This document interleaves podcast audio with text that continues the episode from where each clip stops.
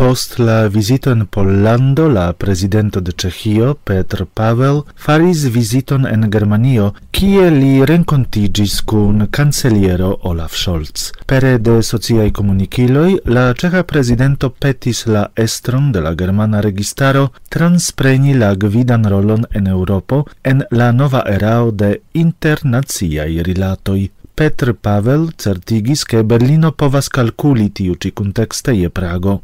La declaro de la ceja presidento coincidas cun la postulo de Berlino resigni pri la unu animeco en la Europa Unio cae transdoni la uvicain competentoin de la statoi membroi al Bruselo.